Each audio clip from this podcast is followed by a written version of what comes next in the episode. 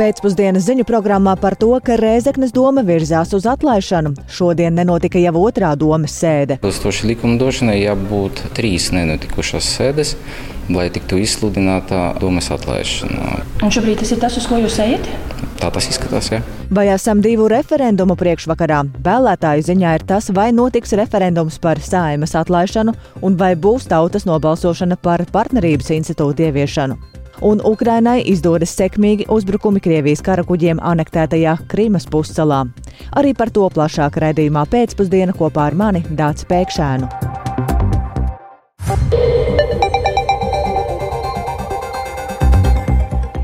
Ir 16,5 minūtes, skan pēcpusdienas ziņu programma, plašāk skaidrojot šodienas svarīgus notikumus. Studijā Dāca Pēkšēna, esiet sveicināti!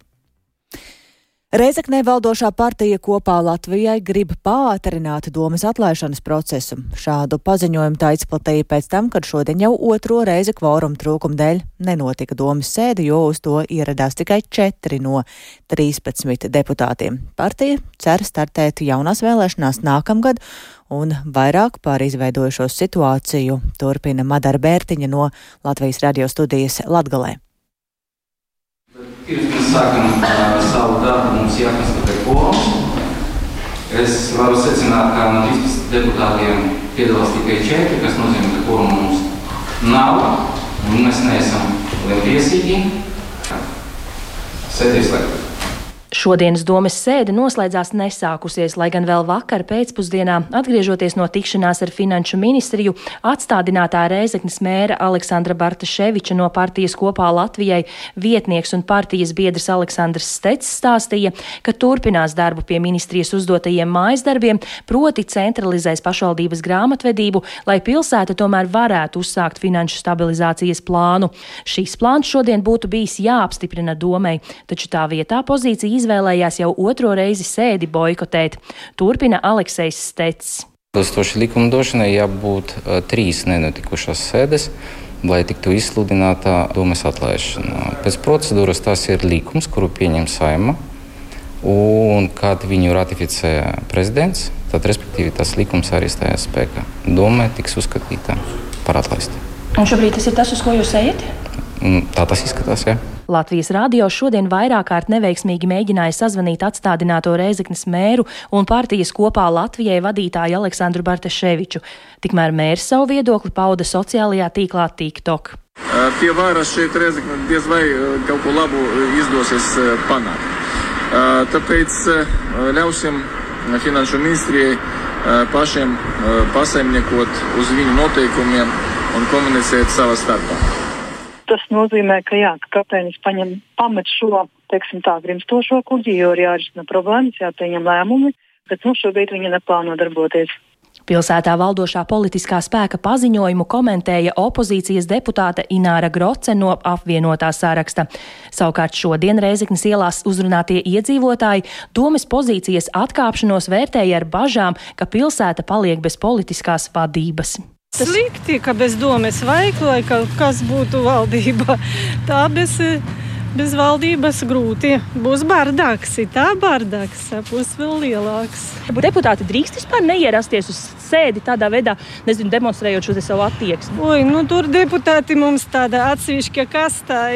Es domāju, ka viņiem viss atļauts, bet nu, tas nav pareizi. Viens tas, ka jau viņus otrreiz nevajadzētu laist pie stūres. Ja jau gadījumā pārbalsošana būs, tad lai viņi paliek vienalga ārpus strīpas. To nevajadzētu pieļaut. Kāpēc? Nu, tāpēc, ka ja jau ir sasmērējies, tad sasmērējies.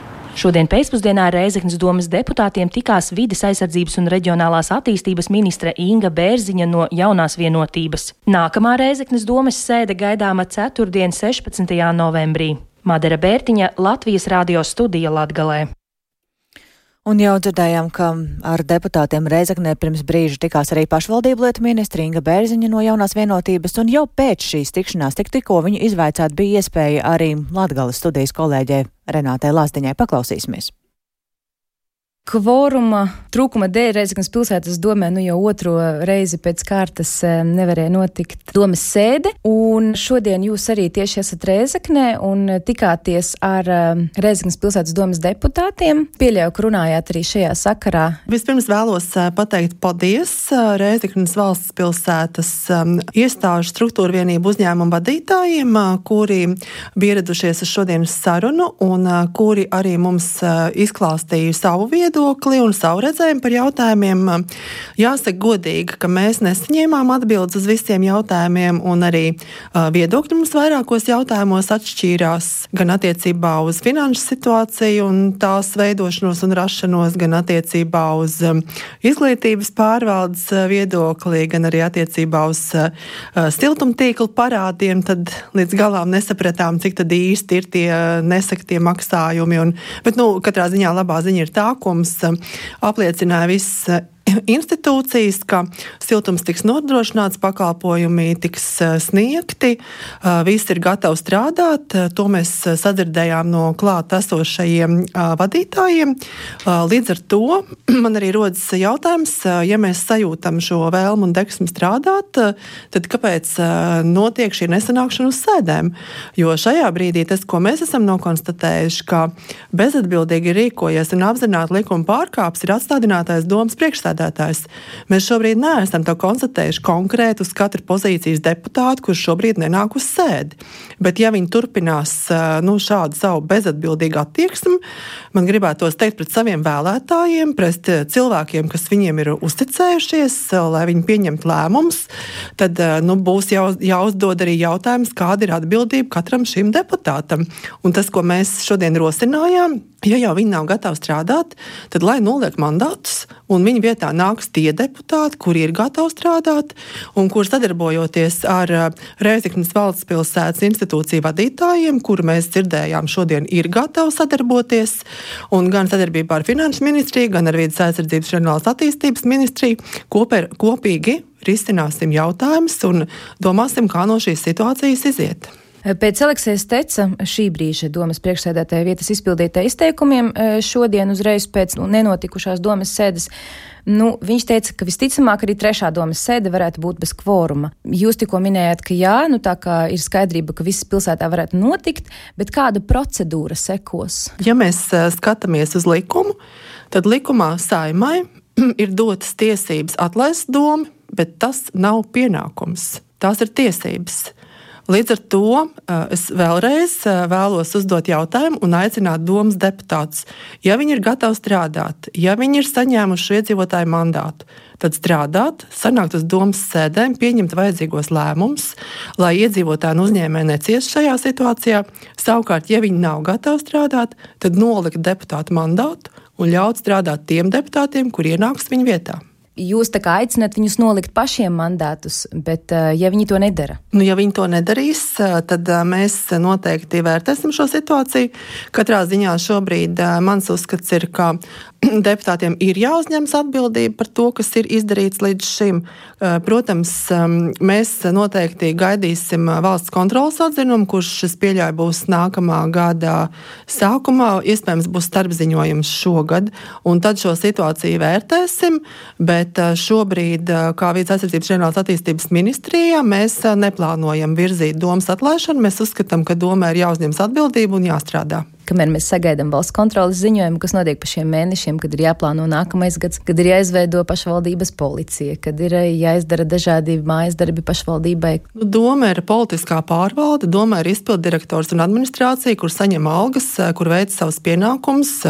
Es domāju, budžeta ietvaros eh, pieļauju, ka nākamajā gadā 12. daļa no šī gada, kā jau tas parasti notiek brīdī, kad nav pieņemts budžets, es domāju, savas kompetences un esošo pieņemto lēmumu ietvaros administrācija turpinās strādāt. Šodien arī politiskā partija kopā Latvijai, tātad, kuras priekšsēdētājs ir Bartaševičs, izplatīja paziņojumu, nu, ka viņi šo te visu dara, paužot vēlmi pātrināt domas atlaišanas procesu un startēt jaunajās, nu jau ārkārtas vēlēšanās, kas varētu būt nākamgad Reizeknē. Tas ir viņu scenārijs, kuram mēs šobrīd netaisamies iet pēc atstādinātā mēra izstrādātā scenārija.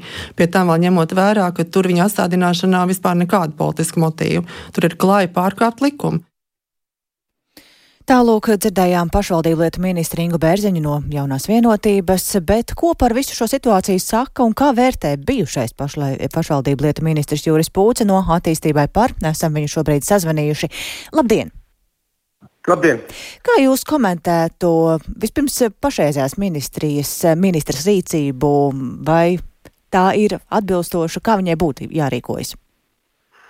Nu, pirmkārt, ministrs izdeva rīkojumu par domu priekšādāju atstādināšanu. Es ar šo rīkojumu esmu iepazinies, jo redzēju, ka tur ministrijas eksperti ļoti pamatīgi strādājuši. Faktiski tur ir ļoti konkrēti, precīzi, precīzi konstatēti, nozīmīgi, nozīmīgi, nopietni iepriekšējā domas priekšādāja pārkāpumi. Tur, piemēram, ir labi redzams, ka eh, domas administrācijas amatpersonas vērš domas priekšādāja uzmanību uz to, ka uh, budžets sastādī, tiek sastādīts neatbilstoši likumam un domas priekšādājs to ignorē. Uh, faktiski apzināti virzot apmēram nelikumīgu budžetu. Tā kā no tā viedokļa var teikt, ka ministri ir pieņēmusi likumīgu un pamatot lēmumu. Un es esmu pilnīgi pārliecināts, ka varētu tikt arī aizstāvēts tiesā. Droši arī Bartaševičs mums viņa apstrīdēs visticamāk, bet uh, nu, viņam diezgan bezcerīgi tā lieta būs. Attiecībā uz esošo situāciju, politiski, tā ir politiska situācija. Tātad domē acīm redzami ir izveidojusies situācija, kur politiski sakāpināta emociju vadīt vai citiem iemeslu dēļ uh, ir krīze. Doma nesanāk uz sēdēm, un tā nav tikai formāla puse. Uh, doma atbilstoši likumam pašvaldībām ir institūcija, kas pieņem arī veselu rindu lēmumu, kas tieši skar konkrēti iedzīvotājus. Tur ir termiņi, kuros tos lēmumus jāpieņem, un ja viņi nesanāk uz sēdēm, šie lēmumi netiek pieņemti. Un konkrēti cilvēki tāpēc cieši viņi nesaņem atbalstu, piemēram, dažādus Eh, izskatot dažādas strīdus, piemēram, iespējams, pabalstus, vai, piemēram, uzņēmējdarbības vidē nav iespējams attīstīties, nevar dabūt atļaujas no domas, kamēr doma nav nonākusi uz sēdi. Un, principā, te jāsaka, ministrē nav taisnība. Viņai diezgan dabiski ir, eh, kā politiķai, reaģēt uz to, ka uh, Bartaševiča kunga scenārijā viņi grib sekot, bet tā ir arī ministrs kā amatpersonu atbildība nodrošināt, ka pašvaldība var funkcionēt. Un, ja pašvaldība politiski vairākums izšķirās nefunkcionēt, viņai ir jāiesaistās. Un šī pozīcija, ka viņi neplāno neko rīkoties, nu, es godīgi sakot, to personiski nesaprotu. Manā izpratnē, ja doma acīm redzami nu, sabotē kopīgo procesu, at, savu atbildību valsts pārvaldes satversmes iedzīvotāju priekšā, ministrei ir jārīkojas, jārīkojas ātri un izlēmīgi, mm -hmm. jāatjauno domē likumīgā kārtība, kas nozīmētu domas atlaišanu, pagaidu administrācijas iecelšanu, kurai būtu pienākums pildīt visus šos šīs funkcijas. Jā, bet varbūt pavisam. Pa... Ševičkungs pārreikināt mm. nav paredzēts tā, ka ir baigi ka obligāti kaut kāds vēlēšana termiņš, kurā jānotur. Es arī aicinātu nerīkot ātri vēlēšanas, bet pagaidu administrācija pastrādāt, bet tas, piemēram, līdz nākamā gada Eiroparlamentam. Pavisam īsi to, to ieguvumu, ko, kaut ko šādā veidā Bartaševičs vēlas eh, panākt, būtiski divos vārdos. Es domāju, ka viņš, viņš vēlas, viņš domā, es domāju, ka viņš domā, ka tāpatās to domu beigās atlaidīs, ka viņš noteiks savu kalendāru, kādā notiks vēlēšanas, kā notiks mm -hmm. darbība, un viņš panāks to, ka valsts ieceltiem pārstāvjiem būs jāpieņem nepopulārie. Skaidrs, ka tur mm -hmm. ir briesmīga finanšu krīze uh, pašvaldībām, ir jāpieņem nepopulāri lēmumi, lai to pieņem kāds, nevis viņš. Mm -hmm. Bet te ir, nu, bez tās Jā. politiskās puses, nu, tomēr ir arī administratīva atbildība ministrē, viņai ir jārīkojas. Mm -hmm. Nav viņa izvēle. Paldies! Paldies, sakām bijušajam pašvaldību lietu ministram Jurim Pūcem no attīstībai pār.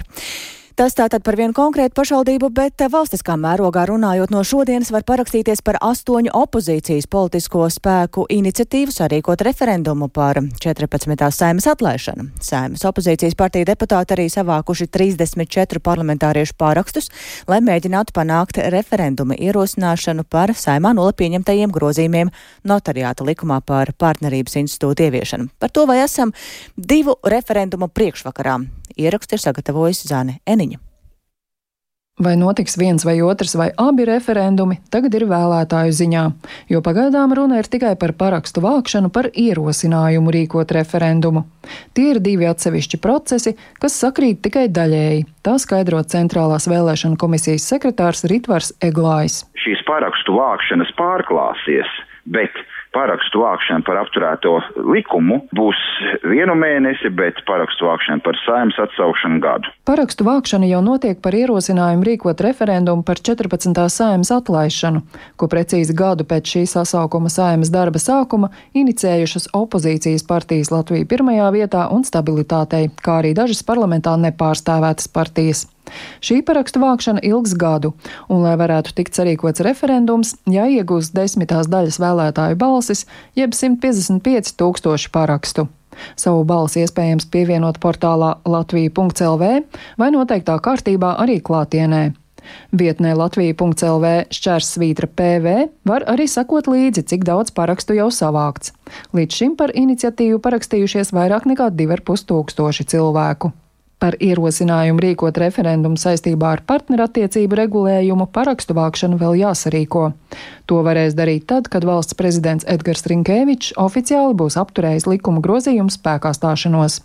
Intervijā Latvijas televīzijas raidījumā Panorāma Edgars Rinkēvičs apstiprināja, ka to darīs. Tas tiks darīts atbilstoši satversmē. Es domāju, ka saimnes deputātiem ir tiesības izmantot savas konstitucionālās tiesības, un tagad uh, sabiedrībai Latvijas pilsoņiem ir divi mēneši laika, lai vai nu atbalstītu šo domu, vai nē, bet šobrīd es gribētu teikt, ka, manuprāt, saimnes lēmums ir bijis atbalstāms un pareizs, bet es arī uzskatu, ka, ja atbilstoši atvērsmēji trešdaļai deputātu ir vēlme rosināt referendumu, tad konstitucionāli tagad tas ir vēlētāju rokās, tas ir viens desmitās daļas mūsu pilsoņu rokās, vai to darīt vai nē. Tā kā es visā šajā procesā aicinātu uz savstarpēju cieņu un diskusiju. Tie ir diezgan jutīgi jautājumi. Kad prezidents būs apturējis likumprojektu, pašvaldībām būs jāorganizē parakstu vākšana un jāinformē iedzīvotāji, kur var nobalsot. Balsot varēs līdzi ņemot derīgu personu apliecinošu dokumentu, un šī parakstu vākšana ilgs mēnesi. Arī tajā noteiktā robeža ir 155 tūkstoši vēlētāju balsu. Vai par šo jautājumu būs vai nebūs jārīko referendums, uzzināsim pēc diviem mēnešiem. Bet par to, vai būs referendums par 14. sēmas atlaišanu, pēc gada vai ātrāk, ja tiks savākts vajadzīgais balsu skaits. Līdz šim parakstu vākšanās par ierosinājumu rīkot referendumu par sēmas atlaišanu nepieciešamais balsu skaits nereizi nav sasniegts.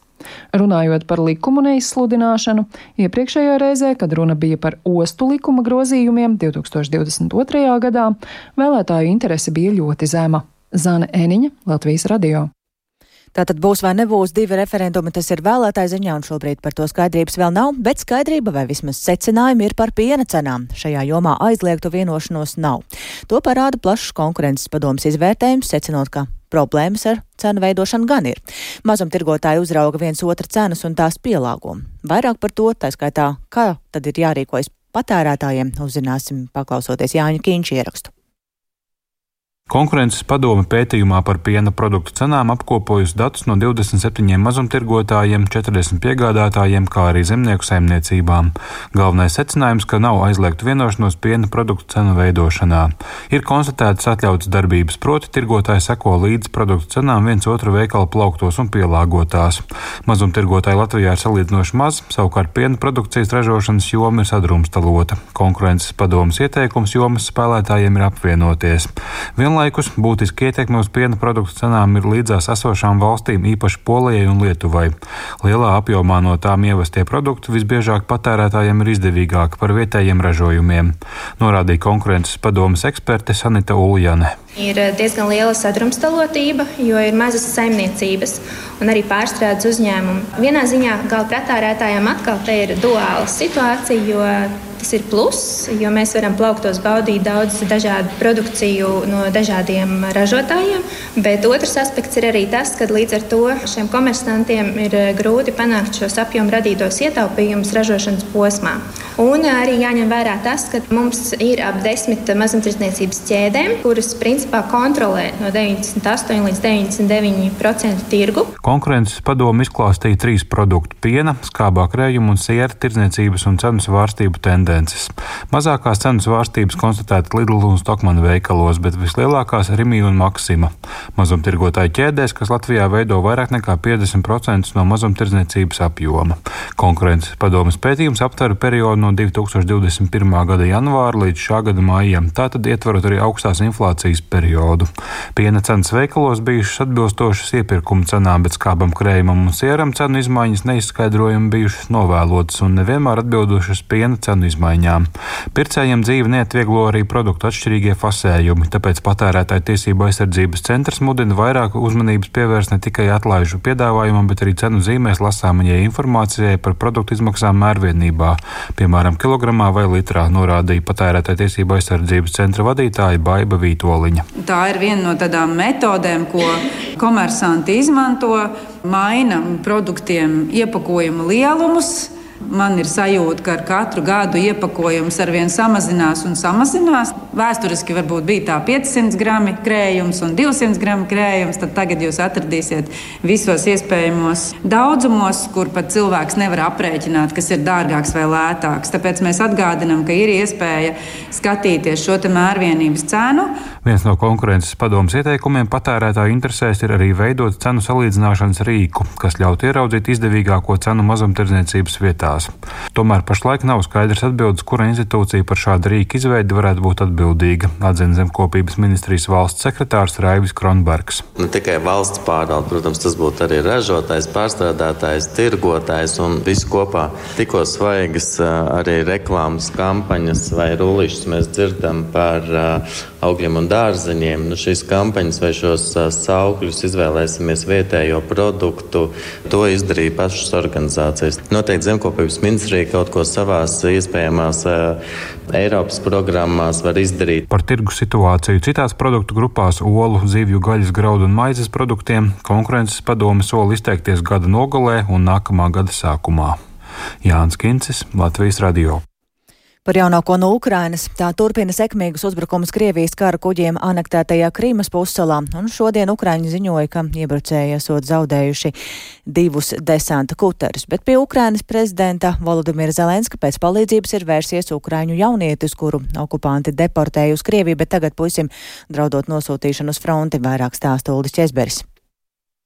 Naktī uz piekdienu Ukrainas spēkiem ir izdevies iznīcināt divus Krievijas ātrgaitas desanta kuterus, kuri atradās Melnajā jūrā netālu no Krīmas krastiem, paziņoja Ukrainas aizsardzības ministrijas galvenā izlūkošanas pārvalde.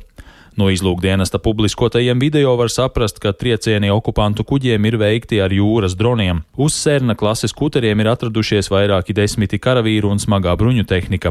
Šie kuģi var būt ekipēti ar pretgaisa aizsardzības sistēmām TOR, lai aizsargātu citus Krievijas Melnās jūras kara flotes kuģus pret iespējamiem raķešu uzbrukumiem. Ukrainas Nacionālās drošības un aizsardzības padomes sekretārs Oleksijs Daņīlovs šonedēļ paziņoja, ka Ukrainas spēki gūst milzīgus panākumus, mēģinot iznīcināt Krievijas militāro aprīkojumu Krimā. Pēdējos mēnešos Ukraiņiem ir izdevušies vairāki postoši triecieni Krimā, tostarp pretgaisa aizsardzības sistēmai S-400, zemūdenei Rostova pie Donas un kreiserim Askolda. Krievijā joprojām atrodas tūkstošiem ukraiņu bērnu, kurus pēc pilna apmēra iebrukuma no okupētajām teritorijām deportēja Krievijas karaspēks.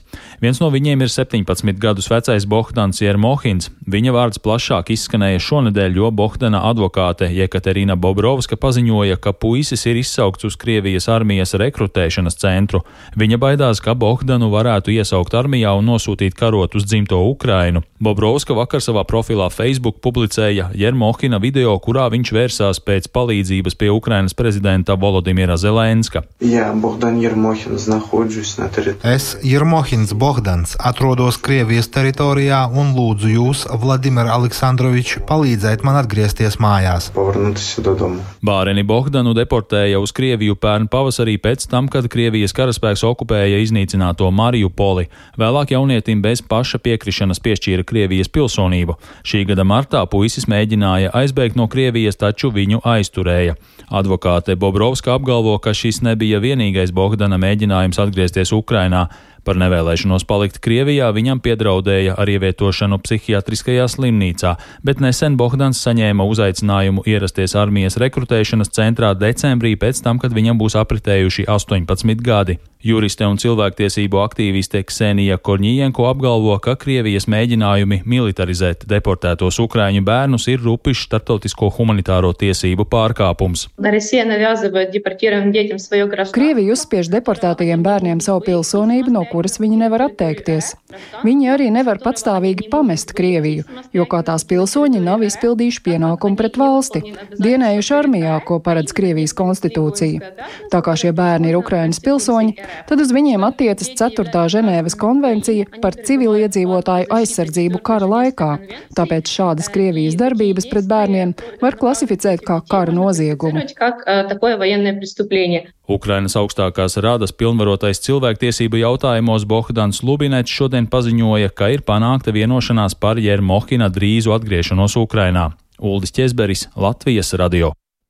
Un tieši Krievijas iebrukums Ukrainā bija iemesls, kādēļ pērn Latvijā bija rekordliels skaits pieteikumiem, lai iestātos zemesardzē. Šogad interesi ir sarukusi, vismaz līdz šim brīdim tie ir ap tūkstošu pieteikumu, bet uz pieteikumu izvērtēšanu aizvien arī ir jāgaida rindā. Tā šorīt kolēģiem Melīnai Baltskarai un Kristapam Feldmanim raidījumā labrīt sacīja zemesardzes komandieris Kaspars Pudāns.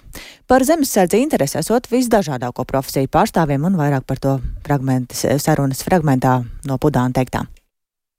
Lielākā kategorija, kas iestājas, tomēr ir cilvēki virs 30 līdz 40 gadiem. Mans pašs skaidrojums, protams, tas, ka tas ir tas laiks, kad cilvēkā veidojas tomēr vairāk briedums, izveidojušās savas vērtības, sapratni par kopējām vērtībām, par ģimeni, par valsti, par savu darbu. Un, man liekas, tas ir tas brīdis, kad tomēr lēmumu vairāk cilvēki ir spējīgi pieņemt par to, ka man ir zināma atbildība ne tikai par sevi, par savu ģimeni, bet arī par savu valsti. Vai jā, visi resursi, infrastruktūra, kas nepieciešama jauno zemesarga apmācībai, tiek līdzi tai interesei, kas ir no sabiedrības? Resursi, kuru mēs nevaram papildināt, kas netiek līdzi laiks. Lai mēs varētu visus apmācīt, mēs arī mēģinam maksimāli būt elastīgi, lai rastu iespēju, kad viņi var dažādos veidos iegūt šo militāro pamatu apmācību un tālāk jau attīstīties savā karjerā. Instruktoru resursi, protams, ir otrs, bet mēs, es domāju, ar grūtībām, ar prioritāšu pārskatīšanu, bet to pagājušajā gadā spējām veikt un um, nodrošināt to, ka mums ir kvalitatīvi motivēti instruktori, kuri spēj apmācīt Apmācība infrastruktūra varbūt ir tas, kas pilnveidot, pātrināt un varbūt efektīvāk padarīt mūsu apmācību, bet arī šobrīd aktīvi strādājam pie tā, ka mums ir ne tikai visiem zināmais lielais poligons ādažos, bet arī reģionāli attīstam vairākus poligonus, apmācību vietas, lai būtu tiešām iespēja veidot to, ko es vēlos visvairāk. Kā noturēt zemesargus, ir tiešām ar interesantām, aktīvām apmācībām. Kā zemesardzes darbu un varbūt rindas un interesi ietekmē valsts aizsardzības dienesta izveidi savā ziņā nenozog? Jums tas interesē? No šāda aspekta tas nav konkurence. Es taisnu redzu, kā varbūt papildinājums. Ja zinu, ka valsts aizsardzības dienests ir mērķēts uz jauniešiem, 18 līdz 27 gadi. Un arī aicinu vēlreiz apsvērt iespēju pieteikties arī nākamajam iesaukumam, vasaras iesaukumam, vēl laiks līdz 1. decembrim ir. Pārbaudīt to, kas ir militārais dienests. Un to es tā arī redzu, ka tā ir iespēja tiem, kas varbūt šaubās, vai tas atbilst viņiem, izējot šos 11 mēnešus valsts aizsardzības dienestā, iegūt priekšstatu par to un pieņemt lēmumu. Varbūt militārais dienests ir vispār viņa aicinājums un kļūt par profesionālā dienesta karavīru. Bet es pat no zemesardzes viedokļa to skatos, ka noteikti tie, kas varbūt tomēr nepaliek pilnīgi profesionālā dienestā, sapratīs, ka viņu aicinājums varētu būt arī zemesardze un turpināt to, ko viņi būs uzsākuši, iemantojuši, sapratuši, turpināt ne tikai kā rezerves karavīrs, bet varbūt jau aktīvā lomā un būt zemesargs. Uzdevumi valsts aizsardzības dienas ietvaros būs arī mums. Tur gan varētu būt, ka, protams, būs mums jāpārlāgo un atkal iekšēji mazliet jāpārliek mūsu resursi, jo tie paši instruktori, kas mums šobrīd ir, būs jāvēl turpmākajos gados arī tiem valsts aizsardzības dienas karavīriem, kurus mums kā zemesardzei uzticēs sagatavot. Tā zemesardzes komandieris Kaspars Pudāns. Un jāpiebilst, ka šodien un arī vēl rītu zemesargi ir aicināti ierasties darbā formas tērpā, tā parādot Latvijas sabiedrības gatavību iesaistīties valsts aizsardzībā un pamudināt zemesardzē pievienoties arī vēl neizlēmušos. Bet pirms rīt gaidāmās Latvijas dienas Rīgā ir labi iekārtots uzvaras parks atgūt savu vēsturisko elpu ne tikai izskatā, bet arī cilvēku prātos. Tas šodien izskanēja iepazīstinot plašāk ar paveikto. Darbi tuvojas noslēgumam un pirmo kārtu ir plānots pabeigt jau šogad. Plašākai sabiedrībai novērtēt to būs iespēja rīt, kad paredzēts Latvijas dienai veltīts pasākums un vairāk par to Agnijas Lazdiņas ierakstā. Tieši tā ideja tāda, ka tur uzejot augšā var redzēt uh, skatu uz vecrīgu Uzvaras parks pirms simts gadiem veidots par godu uzvarai pār Barmanta karaspēku, atbrīvojot Rīgu. Līdz ar to šogad tiek svinēta parka nosaukuma simtgade. Pērn augustā nojaukts tā sauktais uzvaras piemineklis, pēc kura sācies četru mēnešu ilgs darbs pie parka labiekārtošanas. Kā norāda Rīgas domas vicemērs Edvards Ratnieks no Nacionālās apvienības, uzvaras parks iegūst jaunu veidolu, atgūstot savu vēsturisko jēgu. Šim parkam ir ļoti svarīgi atgūt savu vēsturisko elpu ne tikai izskatā, bet arī cilvēku prātos.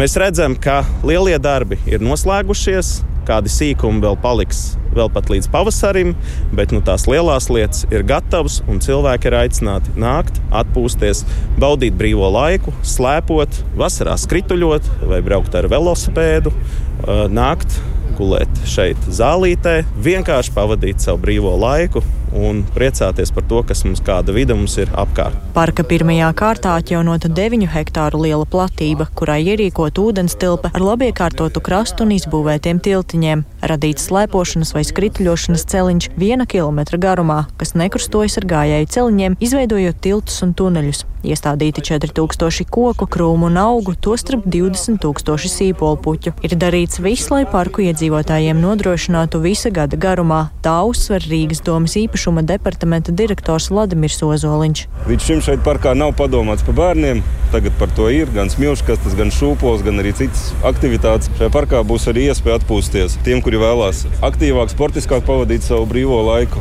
Kā arī senioriem šeit arī būs iespēja mierīgā ceļā pabaudīt apsēsties, paskatīties uz ainaviskiem skatiem, kas iepriekš šeit nekad nav bijuši.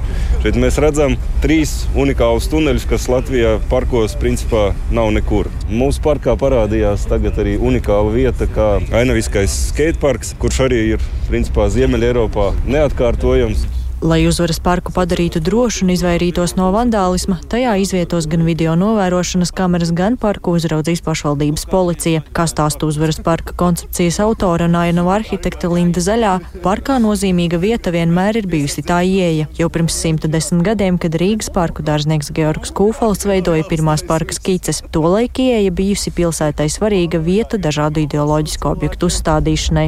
Tas, ko mēs vēlējāmies radīt šobrīd, ir šo te no ideoloģijām brīvu parku. Tāpēc šobrīd, skatoties uz ieeju, mēs redzam zaļo apvārsni, kurš ir noklāts ar ziedošiem ķiršu kokiem. Un, šis zaļais apvārsnis mums sola kaut ko. Tur seko kāds noslēpums, ko mēs ieraugām tikai uzkāpjot uz galvenā ielas tiltiņa. Tad jau pavarās šis te it kā no vienas puses jauns un moderns parks, bet tomēr kurš ir ļoti bāzējies savā vēsturiskajās skicēs. Uzvaras parka pārveidošana izmaksājusi aptuveni 8,5 miljonus eiro, no kuriem 6 miljoni ir valsts aizdevums, taču pārējais no pašvaldības budžeta. Agnija Lazdiņa, Latvijas radio. Jā, un labiekārtošanas darbus pie uzvaras parka otrās kārtas plāno nākamajā gadā, taču, kā jau dzirdējām, tad pirmā iespēja parku novērtēt plašāk būs rīt, kad tur notiks Lāčplēša dienā veltīts pasākums ar koncertu, ugunskuriem, karstajiem dzērieniem un zupas virtuvi.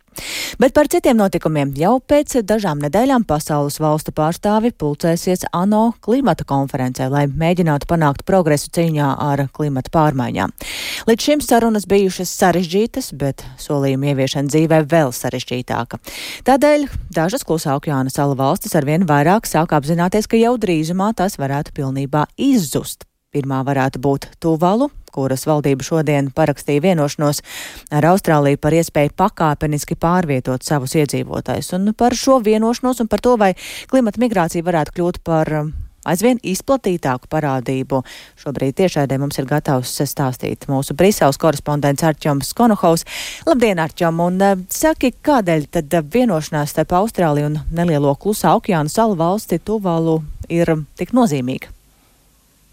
Labdien, Dārts, labdien, klausītāji! Tiešām šī vienošanās ir nozīmīga. Tā ir viena no pirmajām šāda veida vienošanām, kas paredz faktiski visu valsts iedzīvotāju pārcelšanu, ja tas būs nepieciešams. Tuvalo, protams, ir neliela valsts, tajā dzīvo tikai 11 tūkstoši iedzīvotāji, un pagaidām, protams, lai izvairītos no tā, ka visi iedzīvotāji ātri pārceļās uz kādu labāku vietu ar varbūt labākiem uh, nosacījumiem, tad uh, viss tas notiks pakāpeniski un 280 cilvēki cilvēki gadā varēs sākotnēji pārcelties tikai.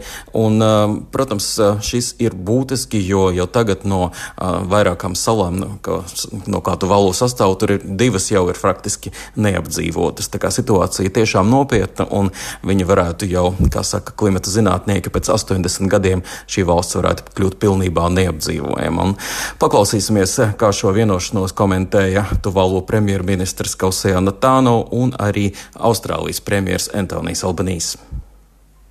The most significant agreement Tā ir nozīmīgākā vienošanās, kas jebkad ir parakstīta starp Austrāliju un Klusā okeāna salu valsti. Es uzskatu, ka attīstītām valstīm ir atbildība sniegt palīdzību, un tas ir tieši tas, ko mēs darām. Šī partnerība dod mums cerību, tā ir dziļi aizkustinājusi mūsu sirdi. Nu jā, un, protams, šādas vienošanās varētu būt noslēgtas arī ar citām klusā okeāna salu valstīm. Ja mēs runājam Marķim, par Eiropu tā pavisam īsi, tad kādus klimata migrantus mēs varētu potenciāli sagaidīt? Mums, protams, tuvāk ir Āfrika, un ja Āfrikā kļūs eh, arvien karstāk un būs eh, cīņas par pieeju resursiem, tad jau ļoti daudz zinātnieki paredz, ka mēs varētu sastapties ar Āfrikas iedzīvotājiem, kas varētu doties uz Eiropu, ja tas vienkārši ir pavisam tuvu geogrāfiski. Tā kā tā varētu kļūt par arvien pieaugošāku problēmu. Paldies Arčomam Konohovam par eh, šo komentāru. Tātad runājām par klimata pārmaiņām. Noslēgumā vēl par sportu. Latvijas futbola virslīgā ir pienācis laiks izšķirošajai 36. kārtai, kurā tad noskaidros šī gada čempionāta medaļnieks un kas pats galvenais arī jānoskaidro šī gada Latvijas čempioni futbolā. Par interesējošo futbola virslīgas finālu tad runāsim ar kolēģi Māri Bergu. Māris šobrīd mums pievienojies tiešēdē. Sveiks, Māri, un saka, nu šis jau ir trešais gads pēc kārtas, kad čempionu noskaidrošana ir atlikta līdz pēdējai kārtai kura no divām pretendentēm, FC Riga vai RFS, sagaida nedēļas nogalē, tā teikt, nu, tādās labākās pozīcijās? Sveika, Dācis, sveicināti klausītāji! No turnīra tabulas perspektīvām raugoties, labākā pozīcijā ir FC Riga futbolisti. Viņiem 87 punkti, bet RFS 86 punkti. Starpība, protams, minimāla, taču FC Riga paši kontrolē savu likteni. Ja viņi uzvarēs, tad RFS nekādi viņus nevar apsteigt. Pēdējā kārtā mums sagaidāma neklātienes cīņa, proti FC Riga spēlēs izbraukumā Valmierā, un valmieriešiem pašiem nepieciešama uzvara, lai sasniegtu savus mērķus. RFS savukārt izbraukuma spēle tepat Rīgā, viņiem spēlējot pret metu, un arī metai punkti ir nepieciešami, lai mēģinātu izvairīties no pārspēlēm. Tāpēc eh, nevienai no līdervienībām nekāda pastaiga rīt nebūs. Dāce? Jā, vai ir iespējams scenārijs, kurā abiem līderiem ir vienāds punktu skaits? Tāds scenārijs tik tiešām ir iespējams, un, lai tā notiktu, FC Riga būtu jāzaudē Valmierai un RFS jāspēlē neizšķiri pret meitu. Tādā gadījumā priekšrocības jau būs RFS. Proti, visās četrās savstarpējās spēlēs virslīgā šo sezonu starp šiem diviem klubiem fiksēti neizšķirti, tāpēc tur nevienam nekādu priekšrocību nav. Tālāk jau skatās kopējo gūto un zaudēto vārtu attiecību, bet tā labāk ir RFS komandai. Ja piepildās šāds scenārijs, ir vienāds punktu skaits, tad tad pār Latvijas čempioniem būtu jākļūst RFS komandai, bet tas ir tikai viens no iespējamajiem scenārijiem. Dāce? Uh, jā, tā tad rīt ir jānoskaidro čempioni, bet vai virslīgas pēdējā kārtā varam runāt arī vēl par kādu citu intrigu? Jā, nu nosacīta intriga ar cīņā par trešo vietu. Šobrīd to ieņem ķekava sauda, viņiem trīs punktu pārsvars pār Valmiera. Teorētiski Valmiera vēl var apsteigt ķekava saudu, bet tad valmieriešiem pašiem būs jāuzvara FC Rīgu un Audē jāzaudē Daugopils komandai. Arī Mete var izglābties no pārspēlēm, viņi vēl var tikt garām Tukuma komandai, tāpēc dažādi jautājumi pirms pēdējās spēļu kārtas ir pietiekami daudz, un galvenais jautājums, protams, ir par čempioniem. Visas piecas spēles spēles rītā tad arī sākas vienlaicīgi vienos dienā, bet vāri jeb video tiesneša palīgs sistēma tiks lietota Valmierā. Vēl viens jaunums ir par to, kur tad atradīsies čempionu trofeja, jo abi pretendenti spēlē citās pilsētās. Viena būs Rīgā, otra Valmierā. Kāds ir plāns stāsta virslīgas izpildirektors Ainārs Dākša. Rīga Valmiera skaidrs, ka, ka liekas, ka tam uzdevumam vajadzētu būt vieglākam, jo attālums ir mazāks. Līdz ar to nu, centīsimies, mums būs lielākas manevra iespējas, un nu, tas viduspunkts vai tas mūsu darba plānā, nu, mēs esam paredzējuši, ka šogad tas viss grozīsies kaut kur aptuveni ap raganu. Jā, nu tā tad virslīgas kausa jau trešo gadu pēc kārtas atradīsies kaut kur pa vidu starp divām pilsētām, kur spēlē čempionu pretendenti. Kurš izcīnīs kausu, kuri kļūs par čempioniem, to noskaidrosim rīt ap trījiem pēcpusdienā, kad visas virslīgas spēles noslēgsies. Dāce! Paldies eh, par eh, šo informāciju Mārim Bergam. Tātad um, spraigas cīņas vēl gaidāmas futbolā, bet um, šobrīd Tad arī izskan raidījums pēcpusdiena, ko producēja Lauris Zvēnieks, ierakstus montēja Renārs Šteimanis. Par labskaņu rūpējās Rīta Karnača un ar jums sarunājās Dāca Pēkšēna. Vēl daži no šīs dienas tematiem tātad Reizeknē valdošā partija kopā Latvijai grib pātrināt domas atlaišanas procesu. Konkurences padomi ir atzinusi, ka piena cenu ziņā aizliegtu vienošanos nav, bet problēmas cenu veidošanā gan. Un Ukrainai izdodas sekmīgi uzbrukumi Krievijas kara kuģiem anektētajā Krīmas pussalā. Atgādināšu to, ka raidījums pēcpusdienā ir noklausāms arī sevērtā laikā. Ir jāsameklē Latvijas radio mobilajā lietotnē dienas ziņas.